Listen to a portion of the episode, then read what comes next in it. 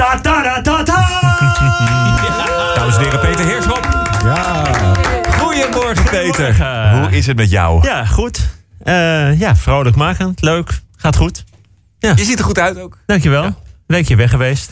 Dat is Eh, waar inderdaad. Ja, hoe was de vakantie? Lekker Ja, zeg. dat, eh, goed dat je er naar vraagt.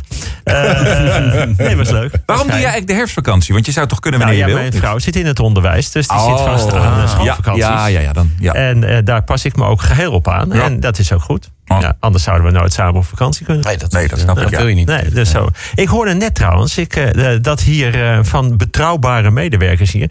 hier onder de studio zit, zit een sportschool. Zit een, Dat klopt, zit ja. We hebben een sportschooltje hieronder zitten. Dat klopt, ja. Ja, Er ja. zit hier dus eh, eh, onder het bedrijf Ja. zit gewoon een sportschool. ja, ik ben er wel eens doorheen gelopen naar de parkeergarage. maar je, je, zou er ook kunnen sporten, inderdaad. Maar je Ja. snapt, dat, dat, je voelt eigenlijk hiermee hoe groot de afstand is tussen de directie en de medewerkers. Daar moet een snackbar. En niet een...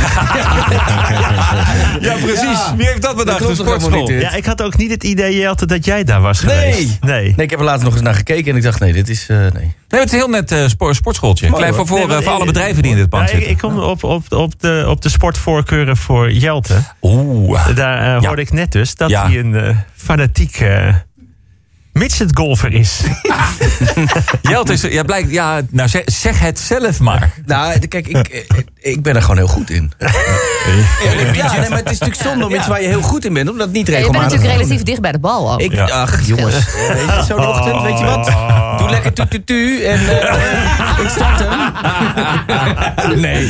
Nee, ja, midget golfer. Ik kan het iedereen aanraden. Het is hartstikke leuk. het is en, heel eh, ontspannend, toch? Het is heel ontspannend. Het is Ja. eigenlijk gewoon knikkeren, zonder dat je veel hoeft te bukken.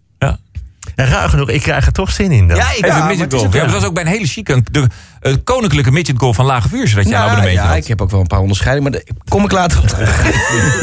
Zullen wij dan ondertussen de week door gaan nemen? Ik Nou, eh, hartstikke graag, ja. Nee, altijd Peter. Oké. Lieve Marianne, beste Jaap, Dick, John, Annie en Kees. Maandag 28 oktober in de Eredivisie waren er afgelopen weekend allemaal zeer belangrijke wedstrijden met opvallende uitslagen. Het dartelende AZ won met 4-0 bij PSV en Ajax won met 4-0 voor, van Feyenoord. Dat was al heel erg voor Feyenoord, maar hoor even wat een journalist van een grote krant over de wedstrijd schrijft. Zo vernederend is zelden vertoond. Fitheid won van stramheid, tempo van traagheid, techniek van hulpeloosheid, showballet van horlepiep. Stel, je bent speler van Feyenoord. Je voelt je al totaal ontredderd. En je leest maandagochtend hoe journalisten hun best doen om je poëtisch zo diep mogelijk de stront in te schrijven. Dan snap je, het is vaak veel leuker om bij de amateurs in een vriendenteam te spelen. Krijg je niks betaald, maar je kan zo slecht spelen als je wil. Erna is er bier en er wordt hoe dan ook met elkaar gezongen. Maar zo gaat het niet aan de top. De spelersbus van Feyenoord werd bij terugkomst opgewacht door boze fans. De spelers waren voor de grap nog wel allemaal onder de bank gaan zitten. Maar toen ze eronder vandaan kwamen, waren er helemaal geen blije ouders. Hoe dan ook, de spelersgroep en het bestuur, of wat daarvoor doorgaat, hebben nog wel alle vertrouwen in trainer Jaap Stam. En Jaap zelf ziet ook nog mogelijkheden. Kortom, die is morgen weg. Dinsdag 29 oktober. Jaap Stam is opgestapt bij Feyenoord. Hij gaat lekker de amateurs trainen van een vriendenteam. Ik snap hem wel. Nou, Donald Trump die stapt hem niet. Die zei over Stam. Hij vluchtte de spelerstunnel in. Hij huilde, hij schreeuwde en hij jammerde. Hij nam afscheid als een hond. Of haal ik nu twee nieuwsfeiten door elkaar? België heeft een nieuwe premier. Het is Sophie Wilmes. De eerste vrouwelijke premier van België ooit. Na 51 mannelijke voorgangers in 188 jaar. Hiervoor was zij minister van Begroting. Zo noemt mijn eigen vrouw zich thuis ook altijd, maar dit terzijde. België heeft een vrouwelijke premier. Die hebben wij in Nederland nog nooit gehad. Ja, Jan-Peter Balkenende zat er dichtbij. Maar dat bleek uiteindelijk toch ook gewoon een man. Met nul vrouwen als premier of staatshoofd staat Nederland zelfs achter landen als India, Pakistan, Indonesië, Bangladesh, Mongolië, Senegal, Gabon en Liberië. En dan kun je zeggen, maar met die landen gaat het economisch ook heel erg slecht. Maar dat is niet het punt dat ik nu wil maken. Frits Spits is verkozen tot belangrijkste radiomaker van de afgelopen 100 jaar. Hij staat bovenaan de top 40 van radiosterren die door, door de VARA-gids is opgesteld. Edwin Even staat op 2, Joost en Draaien 3, Felix Meurders op 4, Tineke de Nooi op 5. Ik heb nog even gezocht naar de namen van mensen die hier momenteel in de studio zijn. Maar goed, een top 40 gaat ook maar tot 40. Woensdag 30 oktober. Justin Bieber heeft beloofd voor kerst een nieuw album uit te brengen... als dat bericht op Insta meer dan 20 miljoen likes krijgt. Ik ken in Nederland een zanger die zo 150.000 likes zou krijgen... als hij absoluut nooit meer een album zou uitbrengen. Jullie kunnen daar zelf een naam bij bedenken. Gaat niet over Jan Keizer, die was wel in het nieuws. Annie Schilder vertelde namelijk dat ze in al die jaren... dat ze met Jan Keizer samenwerkte... maar weinig op steun van de zanger kon rekenen. Ook niet toen ze alles kwijtraakte door een scheiding of bij ziekte. En Jan Keizer zelf bevestigt dat. Zoals hij zei, zo ben ik niet. Maar daarom zaten ze ook bij BZN, de band zonder naaste liefde. Dick Advocaat heeft getekend als nieuwe trainer bij Feyenoord. John de Wolf heeft gisteren nog ontkend dat hij assistent wordt van Dick Advocaat. Hij maakt gewoon het seizoen af bij Spakenburg. Kortom, die is vanaf morgen assistent bij Dick Advocaat. Donderdag 31 oktober. John de Wolf heeft getekend als assistent van Dick Advocaat. En Boris Johnson heeft het voor elkaar. De Britten gaan dan naar de stembus op 12 december. En dan mogen de Britten kiezen of ze blind of doof willen worden.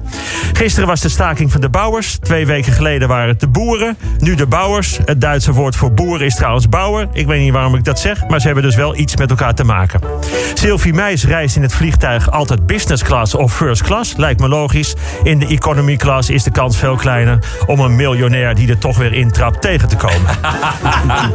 De musical Soldaat van Oranje is weer verlengd nu tot en met mei 2020. Dat is zelfs vier maanden langer dan de volgende stemming over de brexit. De musical is nu al negen jaar te zien. Dat is twee keer zo lang als de hele oorlog. Vanaf najaar 2020 is Soldaat van Oranje ook te zien in het Verenigd Koninkrijk. En daar krijgt de musical de verrassende naam Soldier of Orange. Ze hebben met een enorm team heel lang gedacht over hoe de musical Soldaat van Oranje zou moeten heten in Engeland. Er kwamen titels voorbij als Dutch Minister in Green, Rowing Across the Canal en This Time Without Jeroen Krabbe. Maar uiteindelijk is gekozen voor Soldier of Orange. Vrijdag 1 november nog even terug naar vorig weekend. Ik ga namelijk graag naar de film. Vrienden van mij zeggen dat ik naar The Joker moet. Fantastische film, zeggen ze. Is ook veel kritiek, eh, kritiek op. Schijnt aan te zetten tot geweld. Ik geloof daar niet zo in dat een film aanzet tot geweld. Hoewel ik ooit na het zien van Kill Bill wel een paar uur met karate trappen lantaarnpalen uit heb staan trappen. Maar aanzetten tot geweld in een bioscoop? Nou, kan toch. Stel je bent een Gronings echtpaar.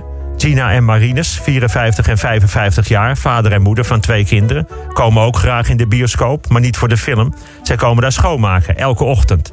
Maar opeens zitten ze zelf in een film. Gruwelijke film. Ze worden namelijk allebei vermoord.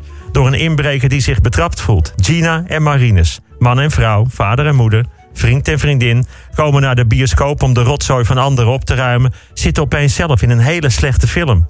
Want het klopt niet. In een film worden ze gespeeld door een ander. En na kan iedereen na de opnames gewoon weer lekker naar huis. Nou, nu dus niet. Zoiets vindt toch iedereen vreselijk? Ik hoop dan ook dat dit oproept tot minder geweld. En tenslotte, Kees Driehuis is overleden aan de gevolgen van de ziekte die werd geconstateerd vlak nadat hij gestopt was met per seconde wijzer. Kees was een zeer integere journalist en een liefdevol presentator. Het is erg jammer. En waar ik zei erg jammer, bedoel ik heel verdrietig. Helaas stopt hier de tijd en bij de dood kun je nooit een joker inzetten. Het roept wel op tot iets liefs. Tot volgende week.